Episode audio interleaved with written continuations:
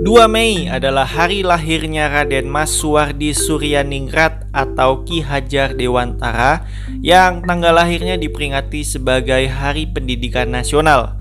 Nah, tahukah Anda? Wah, ini saya bertanya seperti ini seolah-olah kayak saya yang paling tahu dan yang lain tidak tahu apa-apa ya. Padahal yang lain mungkin sudah tahu ya.